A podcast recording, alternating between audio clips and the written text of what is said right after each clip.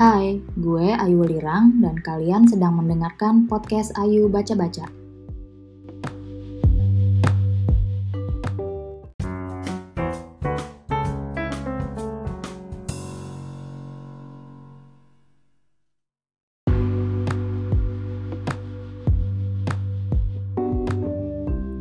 Nah, balik lagi sama gue Ayu Lirang. Uh, di podcast Ayu Baca-Baca ini sebuah podcast untuk membahas ulasan buku juga dunia literasi menurut pandangan personal gue. Sebenarnya buat yang belum tahu, podcast ini tuh cuma bentuk audio ya dari blog update review buku yang selama ini gue kerjakan yaitu di lip.ayulirang.com. Nah karena lagi PSBB, terus gue juga merasa mungkin butuh kegiatan tambahan akhirnya ulasan-ulasan tersebut gue pindahin ke versi podcast. Semoga kalian belum uh, bosen ya dengerin suara gue yang biasa-biasa aja ini.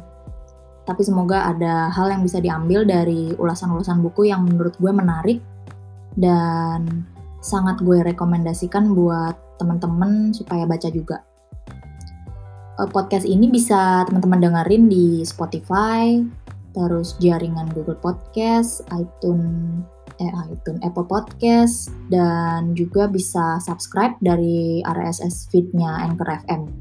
Untuk sementara ini sih baru di situ distribusi podcast Ayu Baca Baca. Nah, untuk episode kedua ini, gue mau bahas salah satu novel yang bisa dibilang ini cukup membuat gue suka membaca. Jadi gue baca novel ini tuh sekitar tahun 2011 waktu masih ngampus di sekitar Ciputat dan novel ini gue dapet dari salah satu temen yang kuliah di UIN Syarif Hidayatullah. Waktu itu gue minjem sih. Meskipun gue nggak kuliah di situ, tapi karena kita satu tongkrongan di Ciputat, akhirnya saling bertukar buku dan dia merekomendasikan novel berjudul Lenka yang ditulis oleh Sarekat Penulis Kuping Hitam. Nah, kenapa sih namanya Sarekat Penulis Kuping Hitam? Soalnya ini tuh bukan novel perorangan, bukan novel individu, tapi penulisnya itu terdiri dari 17 penulis yang mengikuti bengkel penulisan novel Dewan Kesenian Jakarta di tahun 2009. Sementara itu untuk penyuntingnya ada dua, yaitu Masula alias AS Laksana dan Paman Yusi alias Yusi Avianto Pariano. Mungkin kalau teman-teman udah ada yang pernah baca Rumah Kopi Singa Tertawa itu salah satu kumpulan cerpennya Yusi Avianto Pariano. Dan novel Lenka ini sendiri diterbitkan oleh Banana Publisher di mana Serikat eh Serikat di mana Rumah Kopi Singa Tertawa juga diterbitkan dari publisher yang sama. Nah, kalau gitu kita simak aja bareng-bareng nukilan dari novel Lenka yang ditulis oleh Sarekat Penulis Kuping Hitam.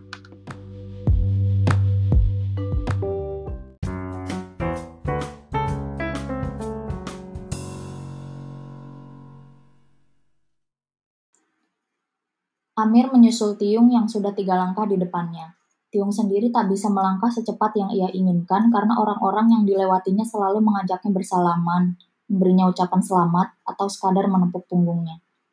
Pada saat itulah terdengar jeritan. Ada bayangan biru meluncur deras dari lantai lima. Lalu bunyi patung kristal yang terhantam keras. Orang-orang menjerit, ruangan membeku. Beberapa orang yang punya nyali maju melihat apa yang terjadi. Amir Sambaliung ada di antara orang-orang ini. Keparat, Amir tak bisa menahan geramnya. Tubuh jatuh itu ternyata telah membuat patung yang dibawanya pecah berkeping-keping. Sekarang kau tahu betapa singkat umur keindahan. Itu tadi adalah sekilas nukilan dari novel Lenka yang ditulis oleh 17 penulis dari Serikat Penulis Kuping Hitam. Jadi sebenarnya Lenka itu sendiri bercerita tentang apa sih? Nah ini mau gue coba bahas sedikit tentang garis besar dari novel Lenka.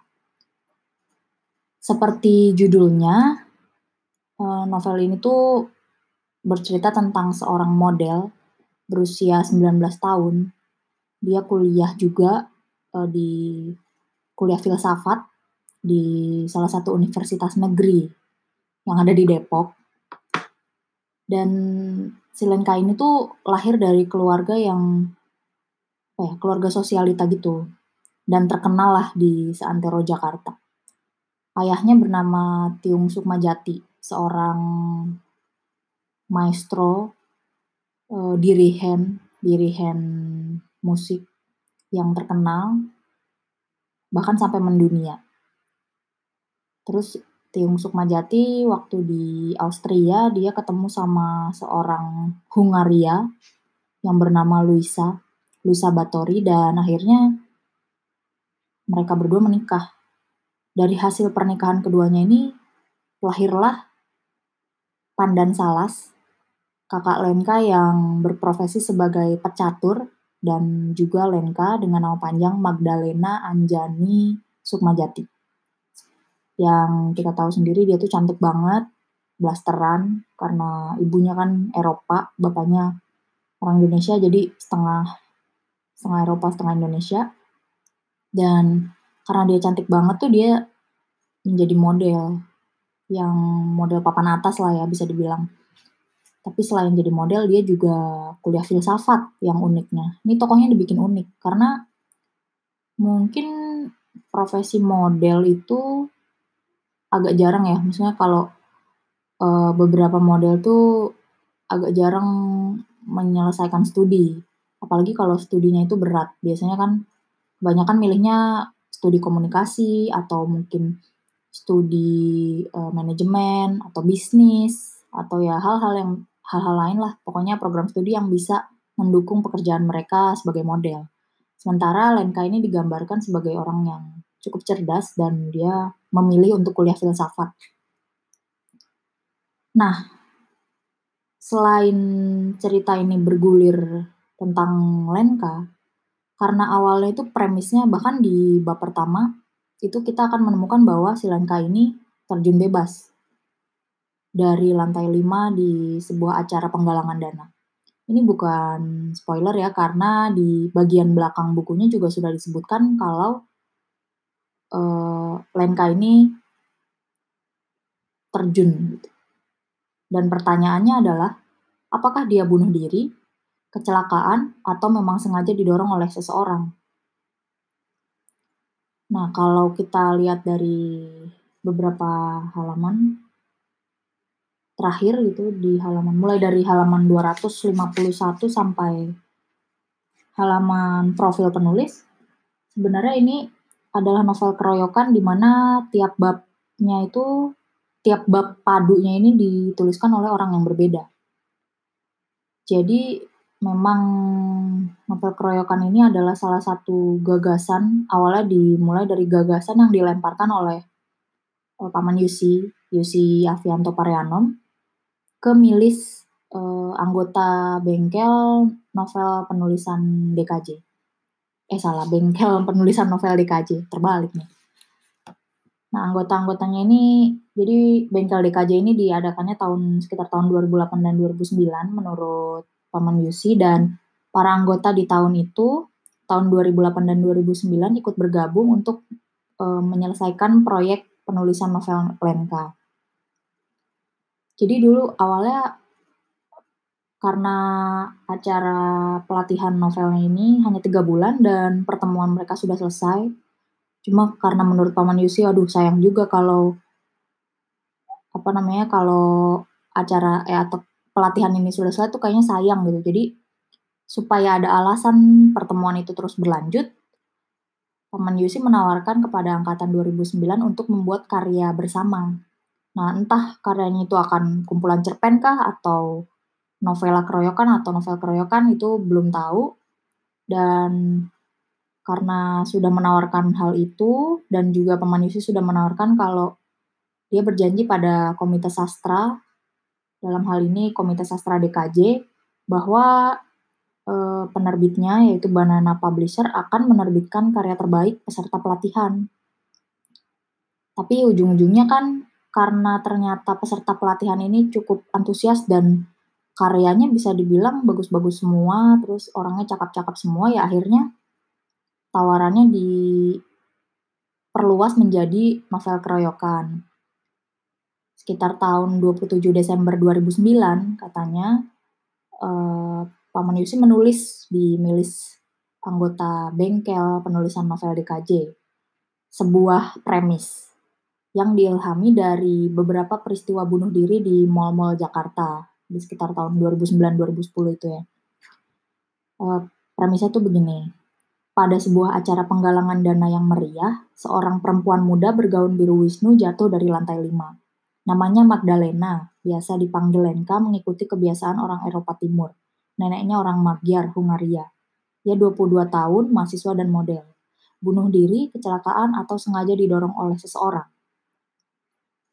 Nah, karena premis pada saat premis itu dilempar, ternyata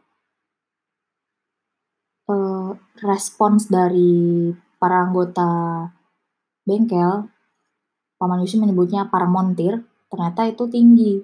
Dan mereka jadi antusias untuk mengajukan ide-ide lain atau memanjangkan pancingan premis tersebut menjadi satu bab, dua bab, dan seterusnya. Sehingga akhirnya dicetuskan bahwa uh, premis itu akhirnya dikembangkan oleh mereka bertujuh belas, para penulis dari Syarikat Penulis Kuping Hitam, untuk menjadi satu draft novel utuh. Penulisannya sih kalau saya baca di catatan dari Paman Yusi ini kayaknya asyik gitu ya.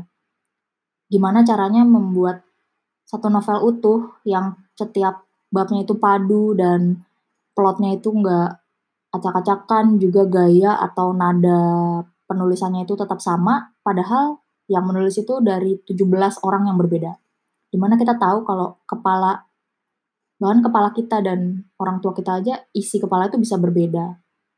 Apalagi ini 17 orang yang benar-benar dari, mungkin dari daerah yang jauh, mungkin punya budaya budaya masing-masing di daerahnya yang berbeda, juga mungkin cara berpikirnya berbeda, dari profesinya berbeda, gimana bisa menjadi satu novel utuh. Nah, hal ini yang bikin novel NK ini jadi menarik. Dan selain karena penulisnya ini beda-beda, ya novel Lenka ini menarik karena setelah dibaca dari akhir eh, dari awal sampai akhir itu plotnya ini bukan bukan alur maju maju ya, bukan datar aja enggak gitu, tapi ternyata plotnya ini alurnya alur maju mundur.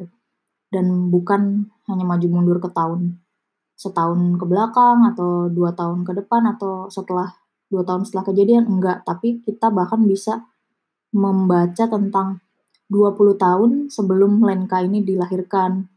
Jadi ketika awal pertemuan pertemuan Tiung dengan ibunya yaitu Luisa gimana kok bisa orang Indonesia dengan orang Hungaria menikah terus melahirkan seorang eh, anak lelaki tampan dan cakap jago catur juga anak perempuan yang cakep banget, nggak ketulungan. Udah gitu, ya mereka berdua anak sosialita.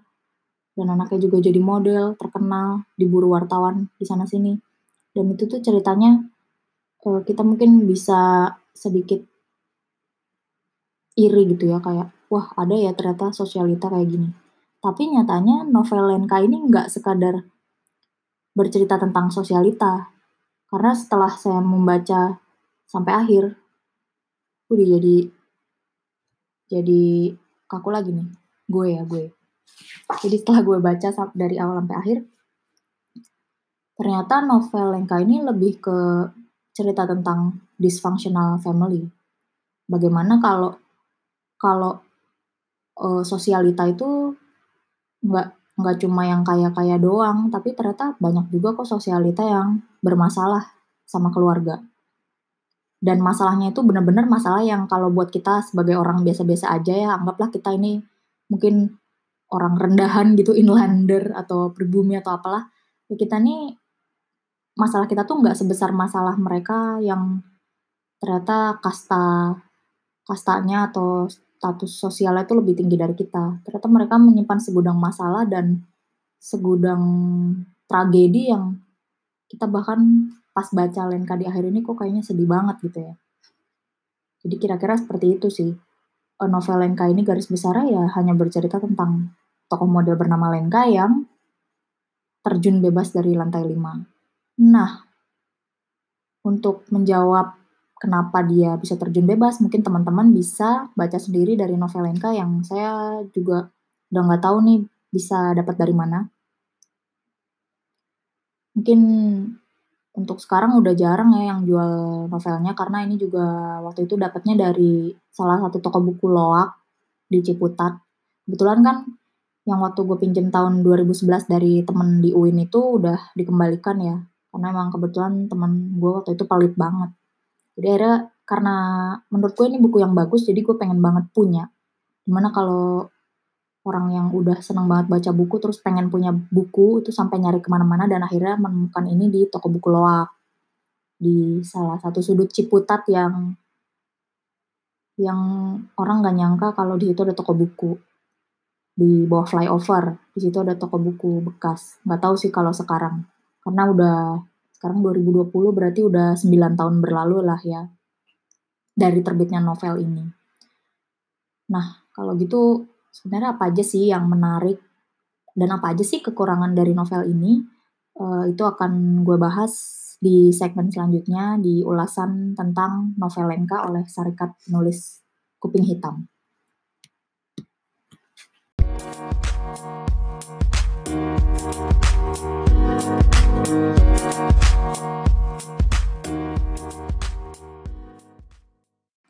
Oke, kita masuk ke ulasan. Mungkin ini hanya ulasan personal gue ya, jadi ini bukan ya semoga ulasannya bermanfaat juga, tapi ya karena ini ulasan personal, jadi mungkin kalau ada teman-teman yang udah baca juga novel Lenka, pendapatnya bisa berbeda dengan gue. Secara garis besar sih novel ini gue kasih bintang 4 dari 5. Kenapa enggak 5? Ya karena ada satu hal yang bikin gue nggak bisa bener-bener simpati sama tokoh Lenka gitu ya. Sebenarnya kalau misalkan tokoh Lenka dibikin lebih apa ya, lebih kompleks lagi dan lebih lebih lebih lebih kompleks lagi dari tokoh yang sekarang ada di novelnya, mungkin bisa aja gue kasih bintang 5. Dan sebenarnya yang bikin gue kasih bintang 4 itu adalah karena alurnya. Pertama, alurnya maju mundur dan menurut gue itu keren untuk menggambarkan di mana di awal itu kan kejadian utamanya udah dijelasin ya kalau Lenka ini loncat. Tapi loncatnya karena apa juga nggak tahu gitu.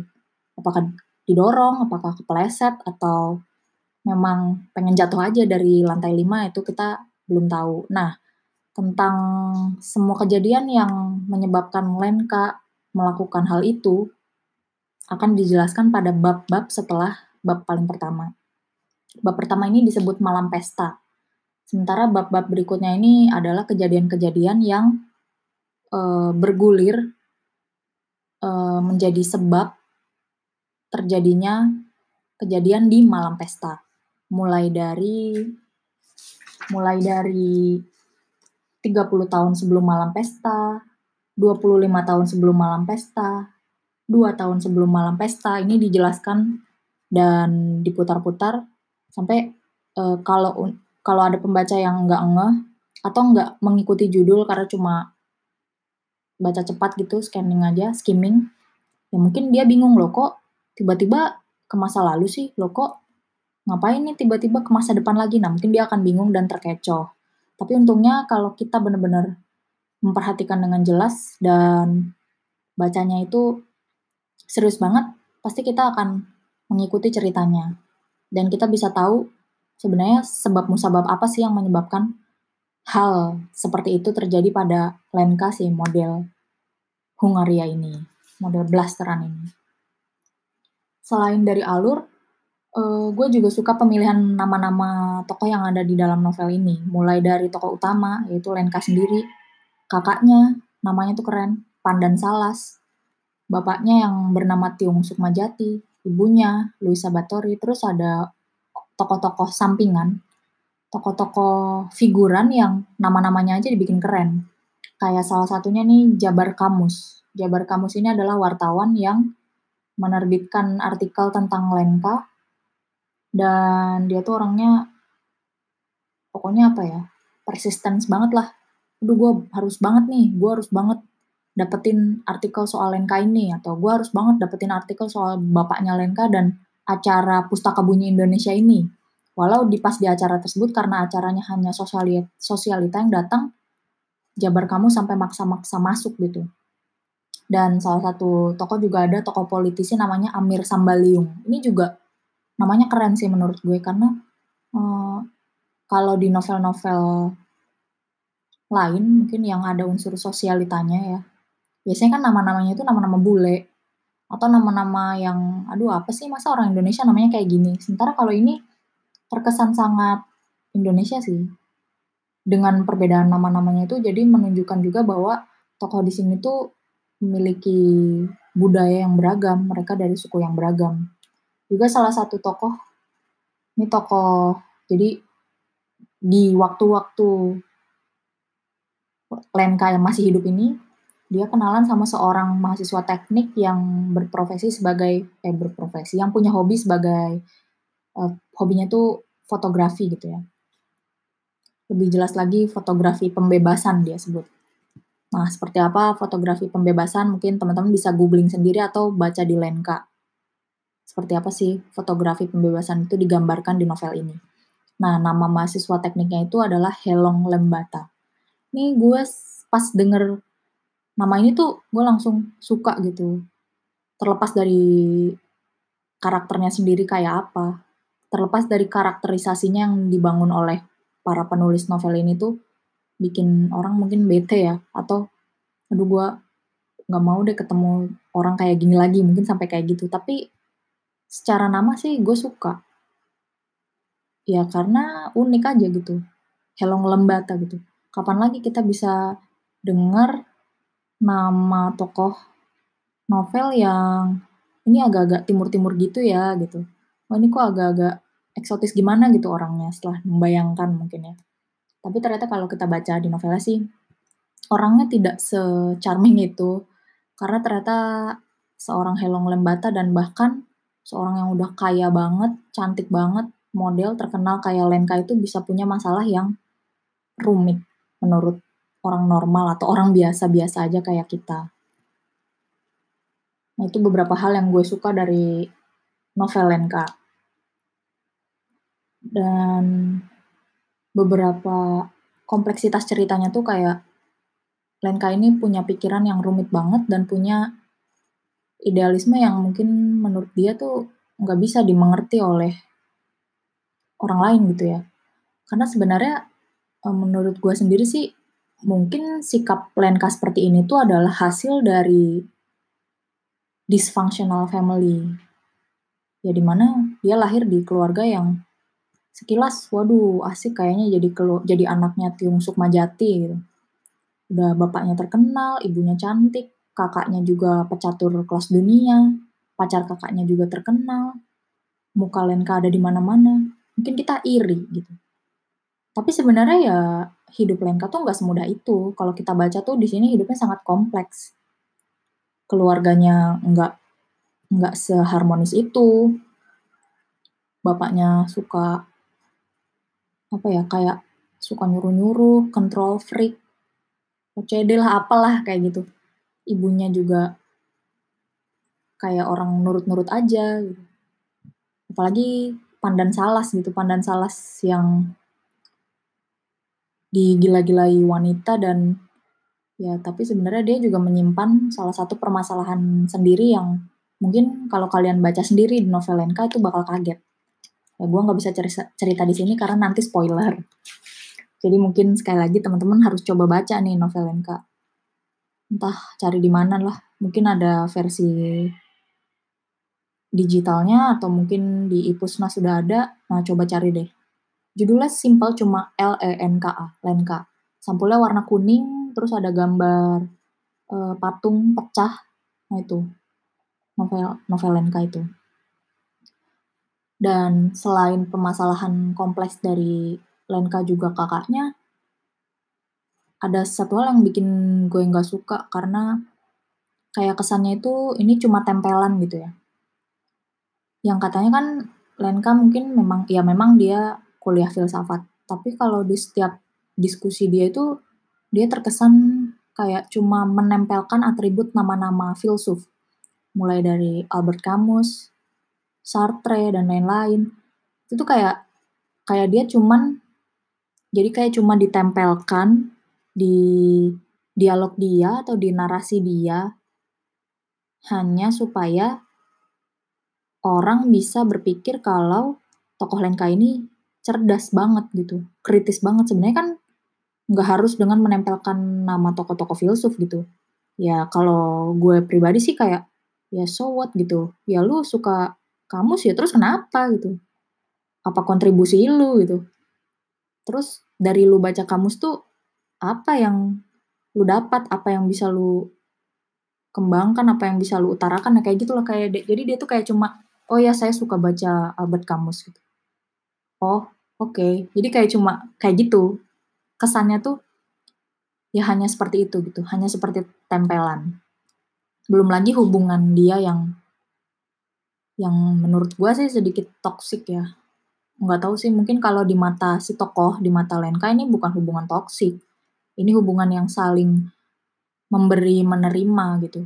Hubungan dengan Helong Lebata yang memberi menerima itu menurut gue agak-agak gimana gitu ya entah menurut gue pribadi apakah hanya sebagai pelarian atau hanya sebagai pelepas atau katarsis pada kepenatan kehidupan keluarga Lenka ya mungkin hanya seperti itu. Tapi kalian bisa baca sendiri jadi sebenarnya hubungan seperti apa sih yang dijalani oleh Lenka dengan Helong Lembata ini. Dan pada akhirnya dari semua kompleksitas itu pilihan hidup yang Lenka pilih itu ya seperti yang ada di bagian pertama dari novel. Dia apakah dia terjun atau dia ada yang dorong. Nah, pokoknya intinya dia mati dengan jatuh menimpa kristal yang udah dikasih Amir Sambaliung untuk bapaknya karena dalam rangka mungkin quote and quote ini kayak gratifikasi gitu ya. Mungkin kayak si namanya Amir tuh kan politisi terus dia pengen mendongkrak namanya di partai dengan dukungan Tiung dan dia beli itu patung kristal. Eh, malah ditimpa sama Lenka. Bahkan di awal bab aja Amir tuh sempat sempat kayak mengumpat gitu kayak gila nih gue udah bikin gue udah bikin ini patung kristal mahal-mahal, eh ditimpa, pecah, berdarah-darah, senyum lagi. Nah, itu dia yang ada di akhir. Jadi si Lenka pas dia udah jatuh itu mukanya tersenyum. Dan hal itulah yang bikin kematian dia itu selama berminggu-minggu, berhari berhari-hari, berbulan-bulan tuh diingat-ingat terus sama apa ya, sama para uh, wartawan gitu. Jadi di surat kabar tuh selalu dibahas bahwa Lenka jatuh dan tersenyum. Nah, entah apakah hal itu sudah tercapai atau belum, sesuai dengan tujuan Lenka atau belum. Nah, itu bisa teman-teman baca di novel Lenka ini. Yang gue sanksi sih udah bi masih bisa ditemuin atau enggak di toko buku, tapi semoga aja bisa ditemuin di toko buku bekas. Atau mungkin bisa langsung tanya ke uh, penerbitnya di Banana Publisher.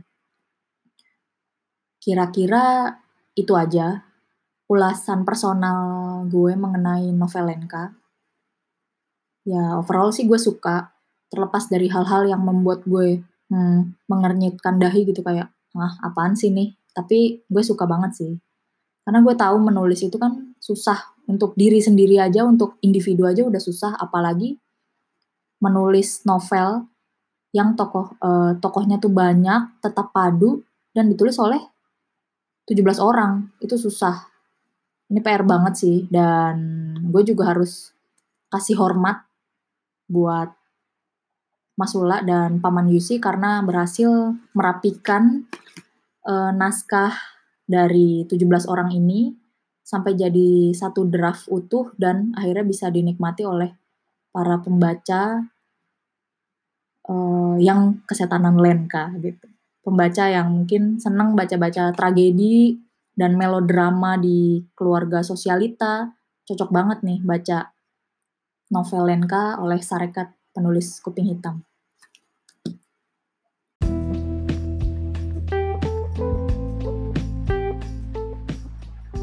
Terima kasih sudah mendengarkan podcast Ayu Baca-Baca. Kalau ada saran buku lain lagi yang harus gue baca, langsung aja slide to my DM di Instagram at ayulirang atau kirim email ke halo at ayulirang.com. Stay healthy, stay sane, and happy reading!